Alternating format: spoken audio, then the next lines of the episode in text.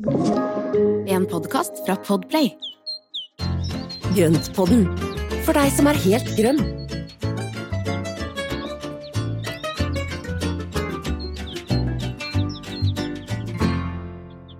Hallo alle sammen, og velkommen til Grønnpodden. Hei Espen. Hei Marianne, nå er vi i gang igjen. Ja du, det er deilig altså. Jeg må bare si at når jeg ligger rett ut i to dager, så jeg så glad for at jeg, kan sitte oppreist igjen og, og være liksom såpass til stede at jeg kan uh, prate med deg.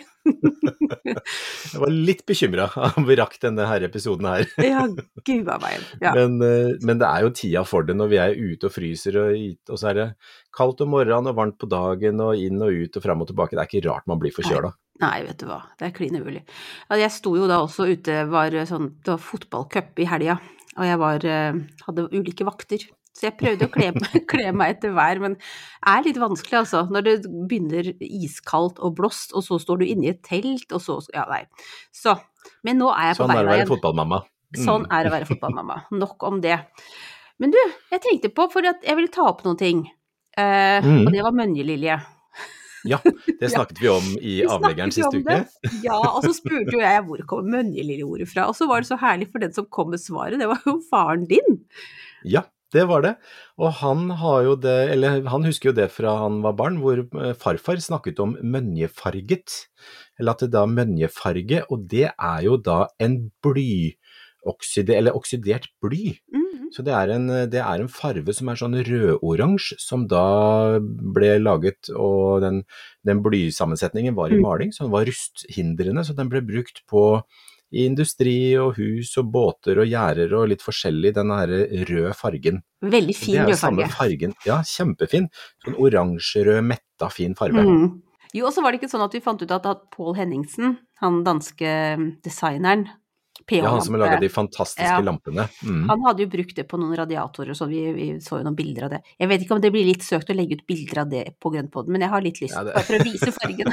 vi får se hva vi gjør. Ja.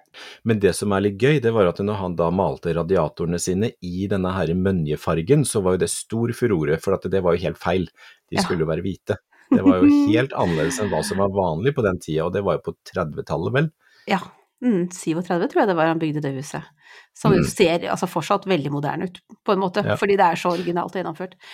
Ja. Ja, du, så tusen takk til pappa, det var kjempefint å få, få og dyttet oss i riktig retning, sånn at vi kunne søke oss videre inn på mønjefargen.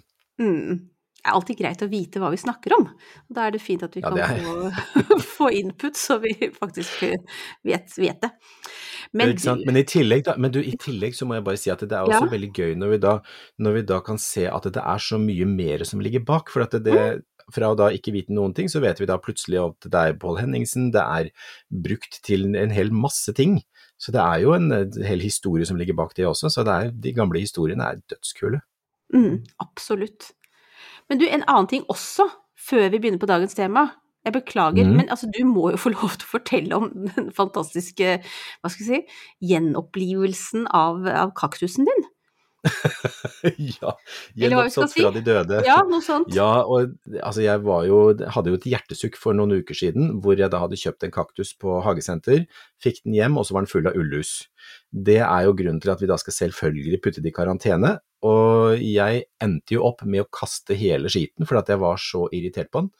Så, og dyr kaktus var det også, betalte masse penger for den. Men det som jeg gjorde, det var å ta masse toppskudd, eh, legge de til tørk, sjekke de grundig med lupe, sørge for at det ikke var antydninger til ting på de, dusja de med grønnsåpe før de ble skylt, og så tørka jeg de. Nå har jeg planta de, og de har stått i, i, en sånn grusblanding, og de har satt røtter, så nå har jeg en ny plante. Så det kan mm. være en måte å bli kvitt jordlusa på. Ja, de er friske og fine og ikke noe utøy. Mm. For alle oss som liksom har lidd med deg, så er det veldig hyggelig å høre at nå liksom at, at, det blir noe bra ut av det. Ja, så løsningen var å lage ny plante, rett og slett. Mm. Du får det til å mm. høres veldig lett ut, men altså, du har vel gitt oppskriften på det både litt enkelt nå og litt grundigere i, i kaktusepisoden vår. Ja. Det, kan vi ta, det kan vi ta også mye mer dyptgående senere. Det kan Mm. vi gjøre. Men du, i dag har vi da eh, friskt eh, satt opp krukkehage og engletrompet som Ja, tema. endelig. Ja. ja, vi har jo lovt noen ganger nå, men nå er det virkelig I dag eh, skjer det.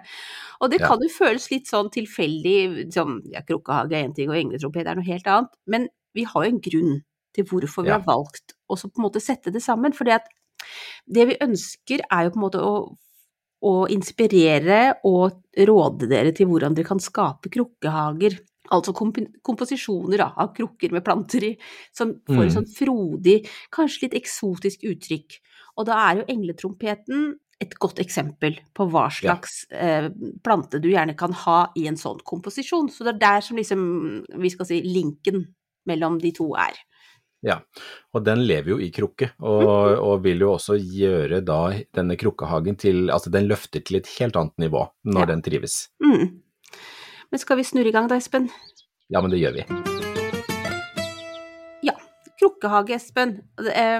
Nå har jeg prøvd meg på en liten definisjon. Det er jo ikke så vanskelig å forklare det egentlig. Det høres, kan høres ut som man skal bruke liksom en hel gressplen til å sette masse krukker rundt og sånn, men som regel så er det jo ikke det. Men altså en krukkehage, det er jo det når man, på en måte når man setter sammen kanskje flere enn to krukker, eh, og Mm. skaper et uttrykk av det, og det er at, med vekster i da, så klart, men at helheten blir til noe mer enn den enkelte veksten. Ja. Og at man Og er jobber litt sammen, det. ikke sant? Ja. Og, og det som også er at den kan jo da dyrkes på, på terrasser og balkonger, for at det er jo veldig mange som ikke har hage, Mm. som da har en terrasse eller balkong, eller det, altså, det er bare en stor vinduskarm, så kan du ha en liten krukkehage i vinduskarmen nesten. Altså for det, det er jo noe med å sette sammen og få dette frodige uttrykket Mm. med hjelp av, ved hjelp av ulike krukker. Mm.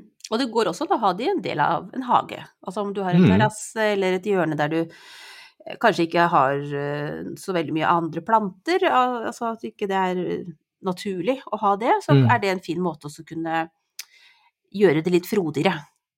Eller inne i stua, Eller foran et stort vindu. Altså det å sette sammen og gruppere og gjøre det, ha ulike former og farger på bladverket og gjøre det liksom frodig og fint inne bak et stort vindu er også en kjempefin idé. Mm. Innendørshage. Ingen Mm. Altså det er veldig få begrensninger, egentlig. Rett og slett. Det er, men, Og det er ingen unnskyldning for å stikke unna det. Altså alle må ha en krukkehage. Alle skal ha en krukkehage. Altså, tenk på det. Det kan hende det er noen som syns det er veldig pent å la en plante stå og skinne for seg sjøl, og det er også helt greit. Men da er kanskje ikke denne episoden her for dem. Jo, jo, jo, jo. For vi skal jo fortelle Altså det er jo noen veldig fine planter som Ja da. Nei, det, alt dette går. Engletrompeten kan godt stå og skinne aleine, selv om Ja, den også egner er seg veldig fint i en, uh, Ja. en krukkehage. Ja. Mm. Men du, skal vi ta litt sånn praktiske råd, da? Altså, hva skal man tenke på når man komponerer en krukkehage? Det er jo egentlig ja, I første omgang så er det jo litt hvor du plasserer den, men det viktigste som man skal tenke på, det er å ha, sørge for å ha stort jordvolum. Mm. Store potter, store krukker og kar som gjør eller så stort som lar seg gjøre i forhold til der det skal stå. For på den måten så vil man da komme unna med litt mindre vanning, litt mindre stell og litt mer sånn lave skuldre når det kommer til stell og pleie av plantene. Mm. Og eh, har du det utendørs, så er det greit at det er frostfrie ting hvis det er flerårige vekster som skal oppi. Ja. Så det er jo da de første grunnleggende tingene, og selvfølgelig Hull i bunn. Alltid sier ja. Hull i bunn, hull i bunn. Hull i bunn, hull i bunn. Alltid hull i bunn. Det er eh, første steg og siste, altså alltid. Ja. Eh, og det vi også kan tenke på med krukker ute, det er altså å legge under sånne små klosser, slik at den kommer litt opp fra underlaget. Mm. Så ikke den står rett ned på gulvet. Ja. Mm. Løveføtter for eksempel. Eh, og har du ikke det, så kan det være andre små klosser av et eller annet slag Ja. som gjør at du får litt luft mellom potta og underlaget. Og det er rett og slett for at vannet skal kunne renne bort også når høsten og vinteren kommer, og ikke det da fryser til under kanten, og så fylles potta opp med, med vann og is. Så du mener at utendørs så ville du aldri hatt en, eh, en skål under? Nei, aldri. Nei. Eh, ikke utendørs, og, grunnen til det er at hvis du da setter den på en skål, så vil alt regnvannet samles i skåla, Mm. og så vil den da bli stående med, med beina i vann, og det er det veldig få planter som liker. Mm. Så alternativet er også, altså hvis du har skål, så må du hele tiden tømme den etter vanning og etter, eh, etter regnvær. Ja. For Og regel da så blir det mer stell. Ja, ikke sant. Men jeg tenker, det er jo mange som tenker at jeg har, kjøper jeg en krukke, så må jeg ha en skål med. Det hører, henger Mm. liksom med. Ofte så selges det jo som et sett òg, kanskje. Ja. Mhm. Men det er ikke noe, det er ikke noe egentlig noe grunn til å ha en skål under utendørs. På min, altså, har du mindre planter, så kan det være greit når du har eh, Altså når du vanner, at den skal få stå noen minutter med litt vann på skåla, og så tømme det av. Eh, Men eh, jeg tenker at det, i hvert fall med større krukker, så bør du ikke ha skål. Nei. Ja, men det var jo greit. Da sparte vi oss litt penger òg, tenker jeg. Vet du hva, jeg vil heller bruke penger på noen kule løvføtter fra dyregartneri enn en sånn kjedelig skål under. Helt enig. Jo, og så tenkte jeg på at man da har valgt store nok krukker, og de kan jo gjerne være litt Altså enten så kjører man en slags sånn altså ensarta stil med like krukker, eller så kan man jo variere, og så kan det også være en del av det mangfoldige uttrykket man får. Men når man Mm. har gjort den biten, utendørs så tar vi de som er frostsikre, Mm. eh, og så skal man da over til selve innholdet, altså plantene. Ja. Ikke sant? Og, men du, vet du hva, jeg skal ha lyst til å si én ting med krukker. For at jeg får jo ofte spørsmål om hvor er det du kjøper krukkene dine hen? ja. Og mhm. hvordan, altså hvordan, eh, hvordan får du samla sammen de krukkene du ønsker deg? Det som jeg gjør og har gjort gjennom alle år, det er at jeg kjøper litt på salg, og så kjøper jeg en og annen krukke når jeg finner en jeg syns er fin. Mhm. Og det som jeg tenker at hvis du hele tiden kjøper ting som du selv liker, Ja. så vil du hele tiden bevege deg innenfor ditt eget smaksområde og det uttrykket som du liker, og det gjør at det, veldig mange av de da funker godt sammen, Mm. selv om det er forskjellige potter. Så alle må ikke være like. Men det kan godt være at du, sånn som jeg, jeg liker jo veldig godt det der naturlige og litt rustikke uttrykket, og det betyr at det veldig mange av mine krukker vil funke godt sammen fordi de har noe av de samme, mm. eh, noe av de samme overflatene og noe av de samme farvetonene. Litt i familie, på en eller annen måte. Mm. Ja. Og på den måten så funker det veldig greit sammen med f.eks. da altså rød terrakotta, som jeg syns er kjempefint å ha ute. Mm, mm, liker jeg. Og jeg må bare fortelle deg, jeg fant en, en av de største krukkene vi har her, den fant jeg på Altså det er jo ikke, er jo ikke riktig å kalle det søppelfyllinga, da, for det er jo sånn sorteringssted, men altså i hvert fall, den fant Ja. jeg der. Den er så fantastisk. Den var litt grann sånn kantstøtt på noen områder, men, Men det gjør jo eh, ingenting. gjør jo ingenting, og jeg bare snur den, liksom, og så syns ikke det. Sånn, altså, så Det er det, fantastisk. går an også, ja. Det er mange som gir bort ting også som de ikke liker lenger, men som du syns er helt perfekt. Så det går an å se på Finn eller ja, hva som helst. ja. Mm. Nei, men det er mange muligheter, så det som er at ikke tenk på at du må kjøpe alt på en gang, tenk på over lang sikt. Altså, også Invester. Plukke ut, det du, ut det du liker, Ja. ja. og investere. Og kjøp ordentlige ting når du da kjøper, for at det er ting som også vil vare. Mm. Jeg kjøpte jo en svindyr krukke for mange år siden, men den har jo søren meg holdt nå i, ja, den begynner å nærme seg ti år, Mm. med et tre oppi, og den står Oi, jo der ja. hele tiden. Og den, eh, den har jo ikke tatt skade av vinter og vår og noen ting. Mm. Så noen ganger så lønner det seg å investere, og da blir ikke kostnaden så dyr i forhold til å kjøpe billige ting som går i stykker. Ja. Og det er jo også et poeng med at eh, Nå ble det mye krukker allikevel, men Ja. ofte så kan man jo finne kopier, ikke sant. Når en, en, eh, en type krukke, da, et utseende, er blitt veldig populært, så er det jo naturlig at andre produsenter lar seg inspirere. Men det er Mm. ikke sikkert da at selv om originalen er, er altså tåler vær og vind, så er det ikke sikkert at de andre variantene tåler det. Så undersøk alltid. Altså så Ja. du vet at du, at du får en robust krukke. Ja, det er, det er helt enig. Og det er, det er ofte så er det da, hvis ting er Hvis det er en billig kopi, så vil det ofte materialvalget, eller materialene, være kanskje av litt dårligere kvalitet og ja. Ja, så, særlig utendørs så kan det være viktig å faktisk eh, tenke litt på det. ja. Det er jo ganske stor, det er jo ganske stor slitasje på de krukkene vi har ute, med all den frosten og vind Mm. Nei, vind, vind betyr jo ikke så mye, men eh, holdt jeg på å si blå, Blåser tvers imellom krukka.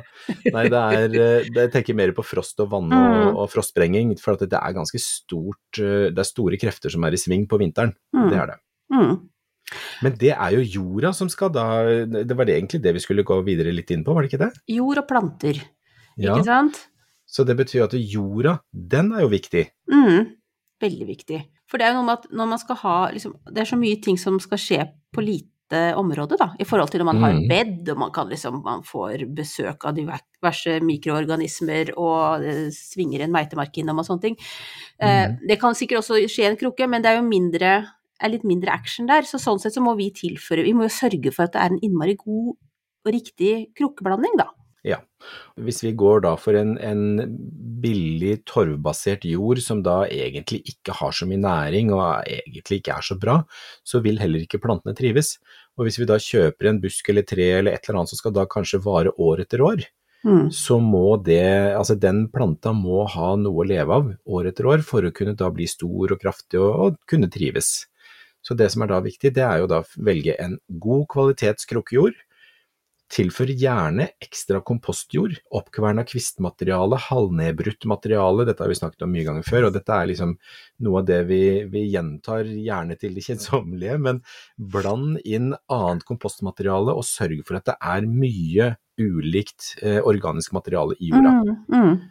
Og på den måten så vil du få mer mikroliv og nedbrytningsprosesser som går også i en stor krukke. Ja. Det er ikke noe mål at jorda skal være eh, finkorna og, og slett. Det skal Nei. være litt action der. Det skal være litt action, og det skal være litt å bryne seg på både for røtter og mikroorganismer og alt mulig rart. Og på den måten så vil man kunne ha en plante som kan leve i mange, mange år. Mm. Men så bra. Er det noe mer vi skal si om jord? Nei, egentlig ikke. Nei. Velg en god jord. Det er det som, det er det som må til. Ja, vær opptatt av det. Det sier Mm. egentlig generelt alltid. At eh, Ja. alt, alt godt begynner med god jord. Ja. Over til planter. Eller altså, nå ser jeg liksom for meg et område der man da er i gang med å lage en krukkehage. Mm. Og så er det jo solforhold og vær og Ja. sånne ting. Fordi det er jo lett at man plukker favorittene sine, og så viser det seg at den ene skal ha skygge, og den andre skal ha sol, og den ene tåler ikke vind. Altså, så man må da Man må jo ta utgangspunkt i at man vet hvor man skal sette krokehagen, og så plukke Det- planter deretter. Helt, riktig. Og det er jo det som ofte er at man velger ut fra egen, eh, altså hva man liker selv, og så er det Mm. ikke alltid at det er så lett å stelle eller vil trives. Altså du setter ikke en liten hortensiapotte midt i solsteiken på en sydvendt balkong, det gjør du ikke. Det, det funker dårlig. Men, eller det kan jo gå hvis du da er sabla flink til å vanne. Da må du Mhm. vanne hele tiden. Mm. Men det som er lurt, da, det er å tenke litt sånn ettårig, flerårig, gjerne kombinasjon. Store krukker med flerårig. Hvis du har mye sol, så kan du ha litt sånne halvhøye busker og trær i større krukker. Og så kan du ha annet innimellom som da får filtrert lys og halvskygge. Ja, du kan skape det sjøl, så klart. Det var smart. Ja. Mhm. Så hvis du ikke har skygge, så sett inn et par større ting som da kan skape skygge, og så kan du da plante inn ting som da liker mer skygge. Mhm. Da kan du ha hortensia i potte. Ja, det var lurt. Så det er ikke alt håp er ikke ute. Det er, Nei, nei, nei, nei. Det er, eh, det er bare å tilpasse det, og da lage da områder som da har ulike soner. Det er samme som når vi da skaper områder i hagen, ikke sant. Rom Mm. og, soner i hagen med da noen med litt mer skygge, noen med litt mer sol, og på den måten så kan man da tilpasse da ulike vekster i ulike, ulike forhold. Mm. Så tenkte jeg også på det der med at eh, det kan være lurt å ha litt ulike blomstringstidspunkt, slik at man kan ha glede av krokkehagen gjennom hele sesongen. Mm. Og det å da ha noe stauder som er kjempefint i, i potter, men også da putte inn georgineknoller eller andre sånne løker og røtter, altså noe vårblomstrende løk. Mm. Eh, at man har noe helt fra start og helt til slutt, og så har da noen sommerblomster innimellom. så Kosmos, tagetes, løvemunn, alle disse her sommerblomstene er, funker jo kjempefint i krukke. Mm, mm. Og det kan jo også være hvis man har disse vintertålige krukkene, så går det altså hvis man har noen flere, flerårige der som har en fin form eller er vintergrønne, slik at man også kan kose seg med å se ut på krukkehagen eh, Ja. om vinteren. Men det er jo et kjempepoeng, for at det er jo noe med å, å da, at det ser pent ut på vinteren også. For at når da snøen legger seg, at du da har ulike former og høyder. Mm. Og da er det jo sånn som denne hengende lerka, eller sibirertebusk, eller dvergsyrinen med de der oppstamma og kuleforma Mm. toppen. Altså det er jo veldig er mange veldig fint. fine former, altså. Så, Og mye som da trives i potter. Sånn at man, det, er noe, det er ikke noe problem å skape en fin hage med krukker, altså. Det er det ikke. Mm. Eh, jeg tenkte på eh, noen tips til litt mer eh, Nå skal vi bevege oss elegant over til engletrompeten etter hvert. Men noen planter som kan være litt sånn wow, som kan løfte helheten. Har du noen sånne, altså som har fantastiske blader, eh, morsomme blomster, noen sånne Tenker du på ett år eller flerårig nå? Nei, vi- eh, hva som helst, egentlig. Nei, men da har vi jo noe storblada ting. Altså Ja. ting med store blader Ja. er alltid en wow-effekt. Altså det gir en wow-effekt, og det, det gjør jo noe litt gøyalt med, med uterommet. Og da kan det jo f.eks. være elefantøre, kolokasian. Den, eh, det er jo Ja. en av mine favoritter. Mm, Store, svære blader som da gir et veldig frodig uttrykk, mm. eh, og litt eksotisk uttrykk. Og du har jo også da bronseblad, skjoldbronseblad, som da er også de derre store, litt sånn tallerkenforma bladene, som er kjempefine. Mm. Så har du en del busker og trær som har litt sånn gøyal fasong på, på både, altså på vekstformen, da. Mm. Men vi fikk jo et spørsmål om dette med blåregn Ja, i potte. ja, den kan vi egentlig like å ta nå. Eh, Ja. Det var Kristine som lurte på det her, sånn om det gikk an med blårein i potter. Hun var nok i gang med å planlegge en krukkehage da, kanskje. Ja, ikke sant? Mm. Og det er jo ikke alltid så lett, for at blåreinen er litt sær. Den, er, den tåler ikke så veldig mye, mye kulde, og i hvert fall ikke inn fra sidene på rota. Så det som er lurt å tenke på når du planter i krukke, velg planter som klarer én til to klimasoner høyere enn det du har der du bor. Akkurat. Mm. Så det tror jeg kan være et tips der. Så, og blåreinen kan være vanskelig å få til i krukke. Ja. Så, men en annen som jeg vet uh, har gått ganske greit i krukker sånn her i Oslo-området, som gir et veldig spesielt uttrykk, det er uh, storobinian, uh, Twisty Ja. Baby. ja, den er fin. Korketrekkerkrøller på bladene ser helt fantastisk ut. Mm. Den er kjempefin. Mm. Ja, den er gøy. Em, er det noe For jeg tenkte på litt sånn Ikke at nå har vi da kanskje egentlig gitt opp blårein i potte litt, da, Kristine, beklager det.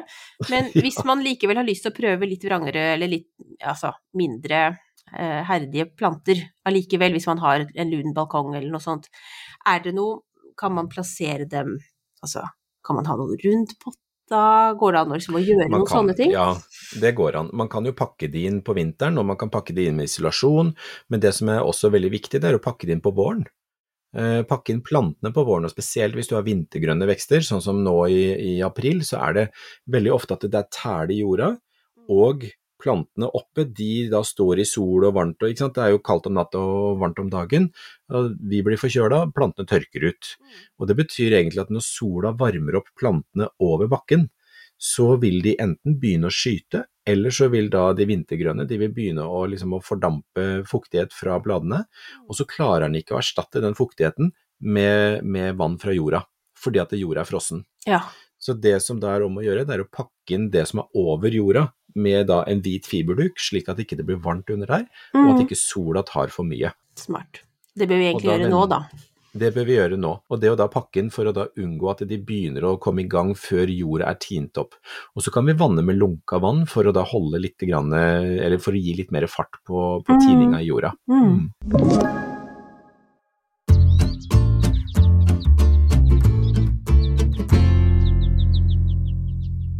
Espen, altså nå har vi liksom etablert Krukkehagen som helhet, og nevnt litt forskjellige ting man kan ha i det, og vært veldig fornuftig når det gjelder krukkene. Men altså nå må vi jo snakke om en av dine absolutt favorittplanter, som vil gjøre seg veldig bra i Krukkehagen, og det er jo da Brugmannstian. Eller Ja. engletrompet. Eller engletrompeten, ja. Og den er jo faktisk ikke i solanum-familien, så den er i slekt med tomat.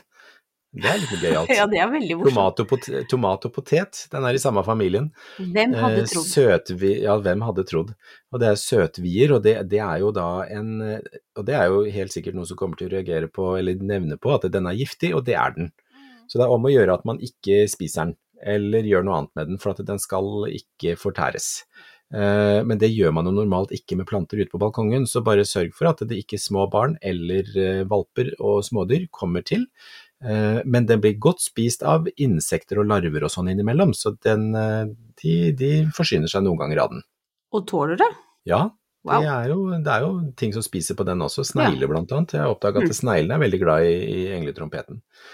Men det som er fordelen med engletrompeten er at den står jo i krukke, og det gjør at det, da er den jo litt mindre utsatt for angrep av, eh, av annet snegler. Uh, og den er jo enkel å ha med å gjøre, men den må inn hver vinter, for den tåler ikke frost. Mm. Men det som er så fantastisk med den, det er jo blomstene. Altså, altså den er så fin. Eh, den ene jeg har her hjemme, den hadde jo sikkert opp mot 200 blomster i fjor, Oi. og den bare fortsatte. Den fortsatte og fortsatte. fortsatte. På én plante. Fantastisk. Og jeg har bilde av den vi skal legge ut da den var på bortimot det fineste, men den holdt jo på hele sommeren. Mm. Men det som er, altså det som er med brugmansiaen eller engletrompeten, er at de er fryktelig sultne, og de er fryktelig tørste. Ja, ok. Så potta bør være ganske god og stor, det bør være veldig næringsrik jord, og så må vi bare fortsette å gjødsle. Gjødsle i vei. Med da, jeg bruker mye hønsemøkk, eh, blander inn hønsemøkk og kukompost når jeg planter den ut, eh, og så tar jeg og, og fortsetter å gi hønsegjødsel en neve i uka på den svære krukka. Så legger jeg det på toppen, Ja. og så vanner jeg, og så vanner jeg oppå det, og dermed så Mm. trekker det ned. Ja. Og hvis du glemmer å gjødsle den, så vil du ofte se at bladene blir sånn bleke og lysegule og sånn blasse. Så, så da, vil, eh, da sier den fra at nei, nå vil jeg ha mer mat. Mm. Mm. Altså, og jevnt med fuktighet. Ja, og da begynte jeg å tenke på egentlig et spørsmål generelt for Krukkehagen, da, men altså hvordan hvis, Kan du reise bort i ferien da? Altså hva gjør du med ferievanning? Ferievanning. Vet du hva, jeg tror vi skal lage en egen episode om vanning, det skal vi gjøre før, mm, eh, før sommeren.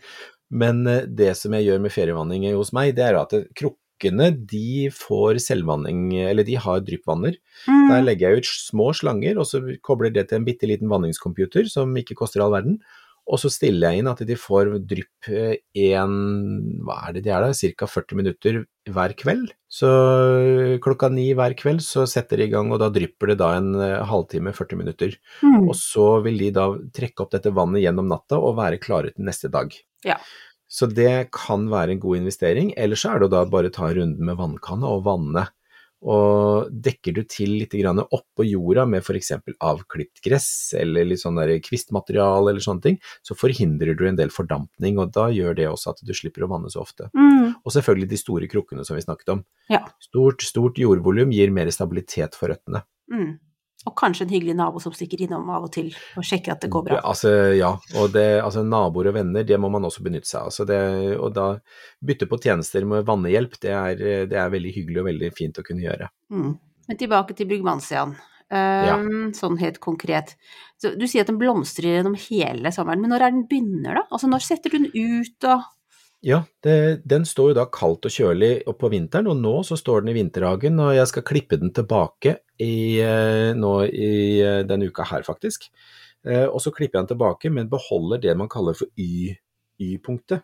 For Mhm. stammen kommer opp, og så deler den seg i en hoveddeling, og der ovenfor så begynner knoppen å sette seg. Så det som er om å gjøre, er at du ikke klipper den lavere enn Y-punktet, og så vil den da få ny næringsrik jord. Jeg tar den opp av potta, eller den gamle potta, fjerner litt av jorda rundt, rufser opp i røttene, og så planter jeg den i en litt mindre potte som jeg kan da bære ned i drivhuset. Og så får den stå i drivhuset nå fram til ja, rett før 17. mai. Og Ah. da potter jeg den opp i en større potte med ny næringsrik jord og masse gjødsel.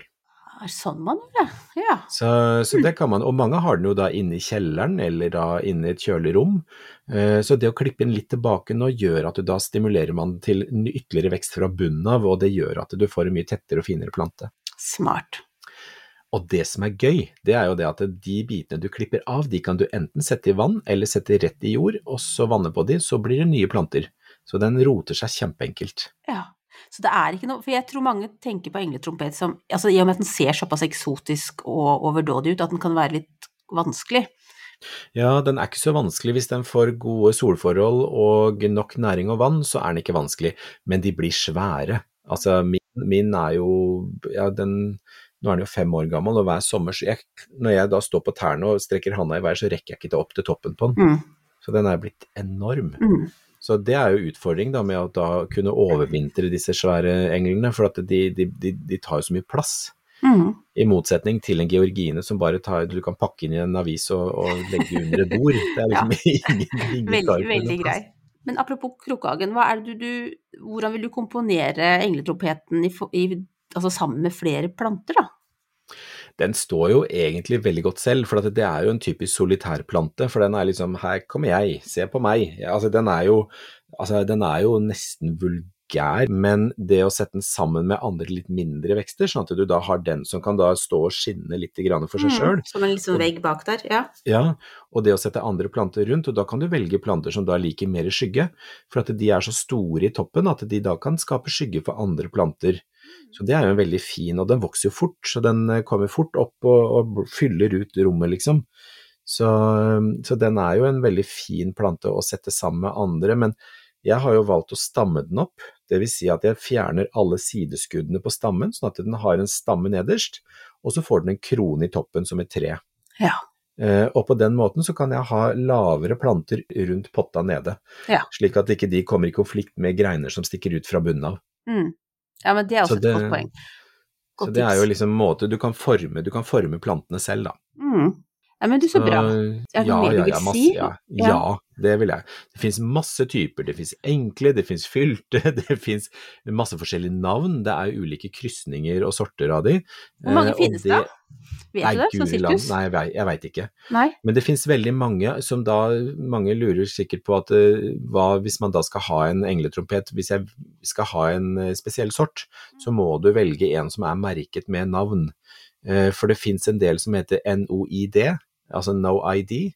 Og det er da ubestemte som da har mista navnet sitt, eller at det er tilfeldige krysninger som da har dukket opp.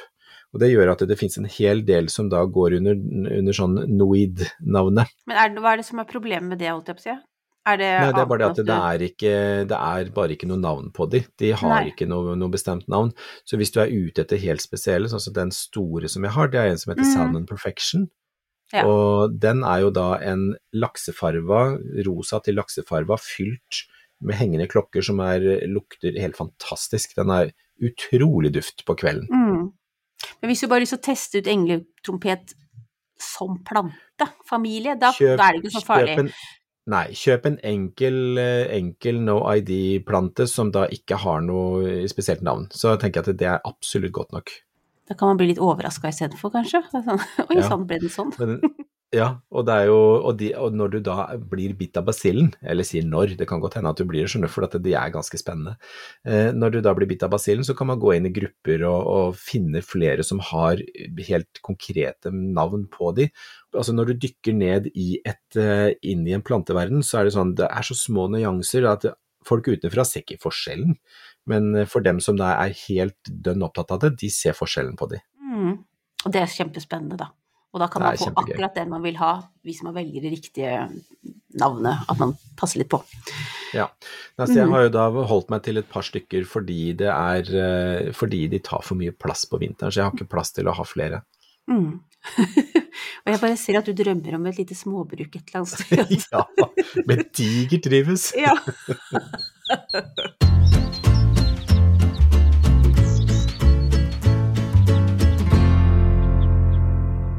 For å få deg litt tilbake på jorda, Espen, ja, det er ikke lett. Nei. Så skal vi tilbake til ukens plante, da. Eh, Ja. ja. Og da skal vi snakke om Å, den har jeg kjempelyst på! Den står på lista mi. Det er fiken. Ja, det er det. Bornholm. Og Bornholm. Og det, jeg tok egentlig og nevnte Bornholm, for det er den mest hardføre av de. Mm. Eh, og den tåler å stå ute en del steder i Norge, faktisk. Så den tåler litt frost, og den klarer seg egentlig ganske greit. Men generelt så hadde jeg lyst til å ta fram fiken, for at nå begynner de snart å komme i handelen, altså på hagesentre og i, i blomsterbutikker og, og overalt, egentlig. Mm. Og de er så fine å ha ute på sommeren. Så det er jo en, den er jo i samme familie som gummifiken og fiolinfiken og disse her andre mer, mer vanlige inneplantene våre. Men fiken, som vi da heter da ficus carica, det er jo den med, som får de spiselige fruktene. Det er den vi vil ha. Ja. ja, det er den vi vil ha. Den vokser rundt, mye rundt Middelhavet. Den er, eh, den er veldig vekstkraftig og fin når den da setter i gang. Eh, trives med mye sol, men de plantene vi får eller har dyrket inne eller overvintret, de må ha herding. De må ha en myk overgang til sola, og så tåler de ikke frost når de har utvikla blader. Så det er liksom de tingene som man tenker på. Når du har en plante med blader, så gi dem en myk overgang til uteklima, sånn som vi gjør med alle andre planter vi skal herde. Og så, når den da er ferdig herda, så kan den stå i full sol. Men sørge for at den da får jevnt med vann og, og jevnt med næring. Eh, og har du en veldig mild klimasone og får tak i sorten som heter Bornholm, så kan du plante den i en lun krok, og da burde det gå veldig greit. Jeg tror den klarer sone én til to, jeg. Ok. Så Jæren og sørover. Mm. Mm. Og, nede hos, og ned hos deg. Ja, vet du jeg kommer på hvorfor sitter jeg og sier at den er på lista mi. Jeg har jo skaffa meg tre stiklinger. Ja, men du, du lagde jo stiklinger i fjor. Ja, og de har jo overlevd. Utrolig. Nå er jeg litt sånn Hva skal jeg gjøre nå, liksom? Men da, enn så lenge så står de i stallvinduet og vannes litt eh, jevnlig. Eh, det kommer, jeg har sett kommer små nye skudd. Mm. Eh, ja, jeg kommer til å snakke mer med deg om det her utover Ja, men det skal vi. Ja, og jeg har jo en svær en som står i vinterhagen, og den har begynt å sette nå skudd, for jeg har et nedfelt bed langs med husveggen inne i vinterhagen, og der har jeg plantet en fiken, og den har jo stått der nå i snart ti år.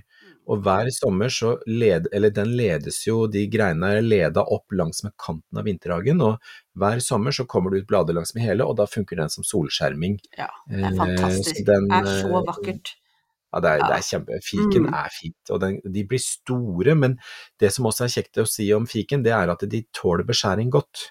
Så hvis den vokser ut av proporsjoner, eller hvis du syns at den blir skeiv eller rar eller hva som er, eh, så kutt den tilbake. Den skyter nytt fra gammel ved uten problem. Mm. Altså, de bladene de er så fine, eksempel hvis man skal øh, ja, ha selskap og servere på fat, og vil gjøre noe ekstra ut av det, så er det veldig fint å legge fikenblader altså, på brettet før du Ja. danderer med noe mat og sånne ting. Det er jo kjempefine ja. Det har jeg ikke tenkt på, men det er jo kjempegod idé. Forstår jo hvorfor Adam og Eva valgte seg fikenblader. Altså, de dekker jo litt, da. I hvert fall, jeg har jo gjødsla godt på min, så de blir jo, noen av dem blir svære som dasslakk. De blir digre.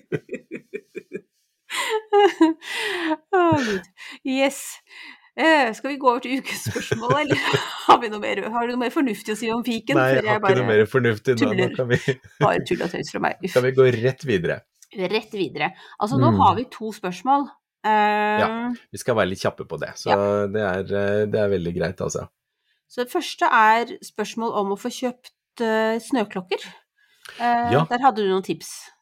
Ja, det har jeg, og det er jo egentlig fordi altså, Spørsmålet der kommer på bakgrunn av at for noen dager siden så la jeg ut eh, en post på min Instagram med da den fylte snøklokken som heter Flora Pleno, som jeg fikk av mamma og pappa. Den har stått hjemme i hagen hos mamma og pappa i mange, mange, mange år, så jeg var så heldig å få en liten bit av det. Så da de var på besøk nylig, så tok de med seg en potte med, med den, og så la jeg ut bilde av den undersiden av den, og den er helt fantastisk tettfylt snøklokke.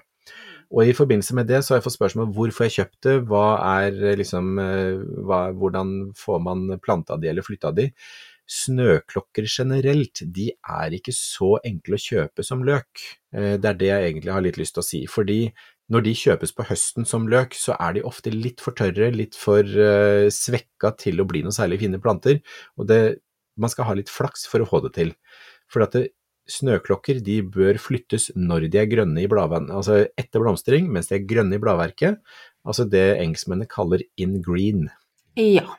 Og da bør snøklokkene flyttes. Så de bør egentlig flyttes nå når vi kommer ut i slutten av april, begynnelsen av mai. Mm. Hvis du kjenner noen som har snøklokker, så er det nå de bør flyttes på. Får man kjøpt de in green, eller er det kjøpe, ja, du kan jo kjøpe potter, altså man får jo kjøpt potter med snøklokker i, på mm. samme måte som eh, krokus og fritillaria og tulipaner og alt mulig annet rart, så får du kjøpt snøklokker i potter, og de kan bare plantes rett ned i bakken slik de er. Og da, har du, da, da er de flytta mens de er i gang, så da etablerer de seg mye fortere. Så, så det å få da, få da flyttet på de mens de har grønne blader og de er i vekst, det er litt av nøkkelen for å lykkes med snøklokkene. Det er greit å vite. Mm. Neste spørsmål er sorin Sorin, ja. Det var en ny plante. Syrin hortensia er vanskelig der. Fortsatt litt syk, altså, jeg må si ifra. Syrin hortensiaen, ja, ja, de er Ja. fantastiske. Ja, de er kjempefine. Og da spørsmålet var Mm. når de skal beskjæres. Ja, og de kan egentlig beskjæres nå. Eh, nå tidlig vår før de setter i gang å skyte. Hvis du har stussa de på høsten, så er det kanskje da for at å fjerne disse her brune duskene av de visne blomstene fra i fjor, og for at de skal unngå brekkasje av snø og, og, og liksom vekten fra vinteren. Men eh, hvis det henger igjen, så, og du har lyst til å forme busken, eller gjøre den mindre, eller hva det måtte være, så er det bare å beskjære den nå. Så da vil det komme ut nye skudd fra, fra gammel ved, og så vil det bli liksom etablert til ny, ny vekst nå i år. Så det skal gå fint. Hva er det seineste tidspunktet man kan Altså, er det liksom ser man når man ikke kan beskjære lenger? Begynner det å komme Nei da, kan, knapper eller noe? beskjære, du, ja, du kan beskjære når som helst, men jeg ville ha gjort det nå, og grunnen til det er at eh, Eller før den begynner å skyte ordentlig, og grunnen til det er at da vil den fokusere all energi på de knoppene som er igjen innafor der hvor du har kutta. For hvis du kutter senere, så vil den ha brukt masse krefter på å Mm. skyte ut skudd som du da klipper bort. Ja, litt sånn forgjeves. Ja, og det er liksom, da klipper du bort alle kreftene den har brukt. Men hvis du da klipper før den begynner å skyte, så vil den da ikke levere noe krefter til det naturlig nok, det som er borte. Men da vil alle kreftene fra rota komme ut i de skuddspissene som da står igjen på planta.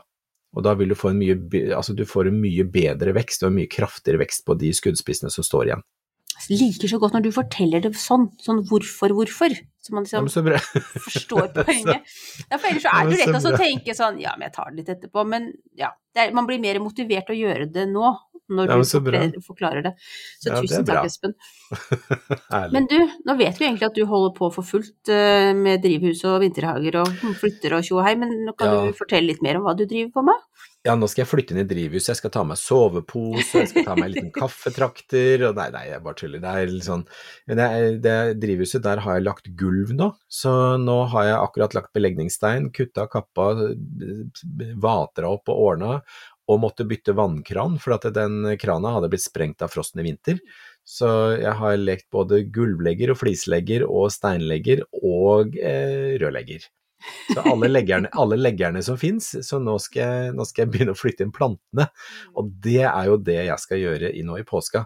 Potte, plante, fikse, og så begynne å flytte inn plantene, og så sette på en liten varmeovn som holder da temperaturen på, på sånn at, Eller sånn at ikke den nattetemp... Altså, vi har jo hatt netter nå med For bare nå den siste uka nå, så har jeg opplevd hva var det, 5,8 grader minus når jeg sto opp om morgenen. Det er jo ikke, Det er ikke riktig, det.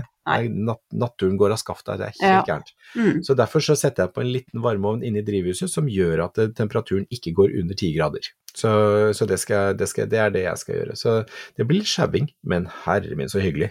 Så Det er, det er Beachbody 2022, er det ikke det som vi jobber for? Da må man løfte Ja. litt, vet du.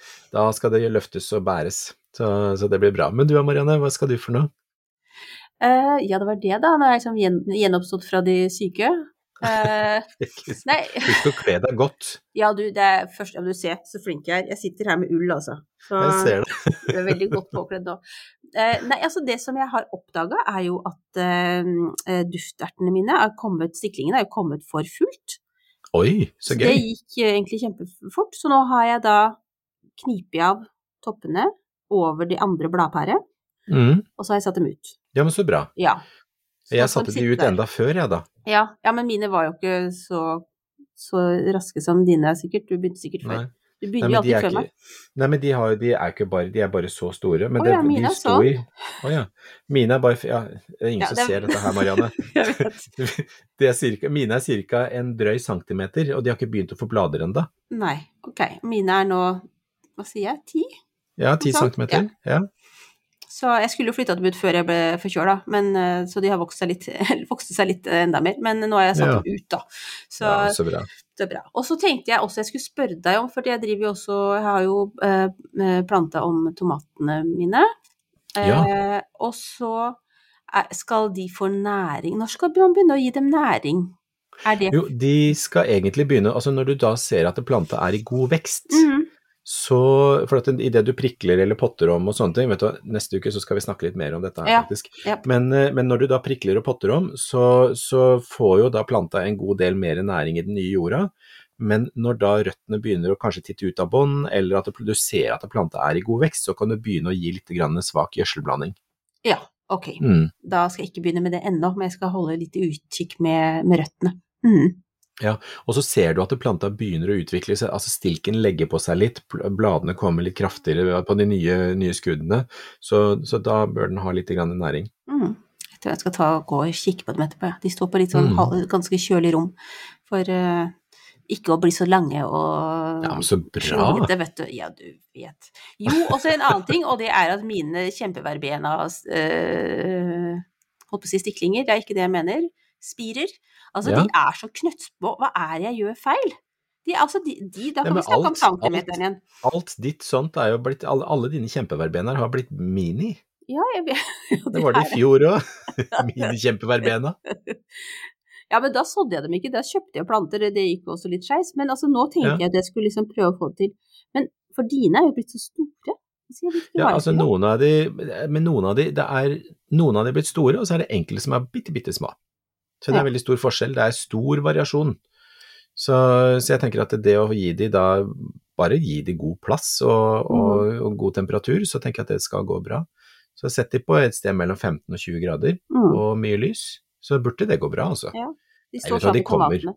Ja, altså, Ja, ja. bra. Jeg skal i hvert fall ikke gjøre noe mer med dem ennå. For de er bare, altså, de er knøttsmå. Ja, såpass, ja. Ja. Men vet du hva, da jobber de sikkert med røttene, og så kommer de etter hvert. Og du er så hyggelig. Takk. Vi satser på det. Ja. Ja, så bra, Espen. Du, da skal vi snart uh, snurre sammen mikrofonene våre, holdt jeg på å si. Mm. Uh, men først skal jeg jo fortelle hva vi skal snakke om neste gang, da.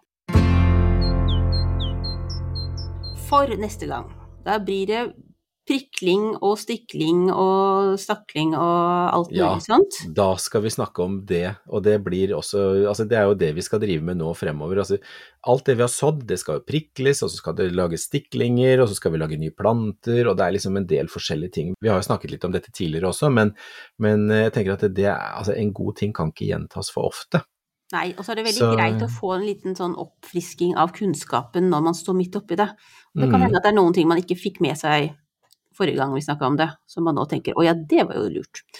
Og hvis du da er hjemme i påska, eller hvis du har lyst til å da gjøre det når du kommer hjem etter påske, så tenker jeg at det er en kjempefin tid å gjøre det på. Så, så det tror jeg er eh, Ja, jeg tror det kommer til å bli veldig hyggelig. Og det er jo sånn kose, kosejobb. Altså prikling og stiklinger er jo bare sånn kosejobb, i stedet i motsetning til sjauing og bæring. Og du får bare tenke nå på liksom muskler og fin i form. Det skal jeg Ja, iallfall tenke sant. på når jeg skal drive og spare. Dyp, dype knebøy mens man bærer. Er liksom Ja, gjøre litt ekstra ut av det. Ikke sant?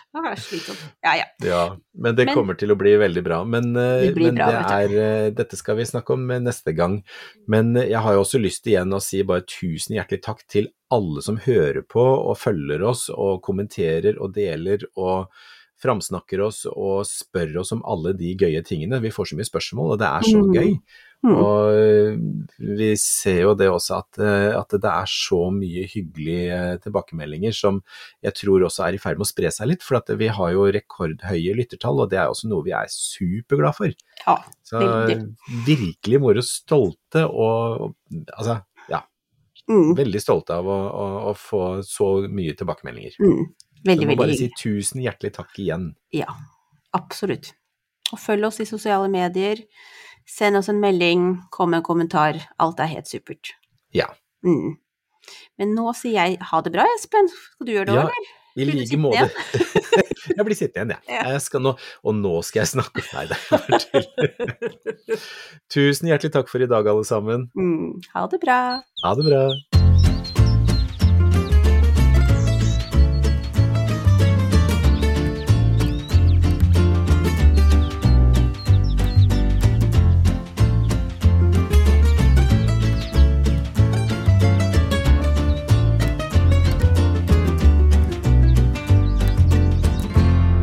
Du har hørt en podkast fra Podplay. En enklere måte å høre podkast på. Last ned appen Podplay, eller se podplay.no.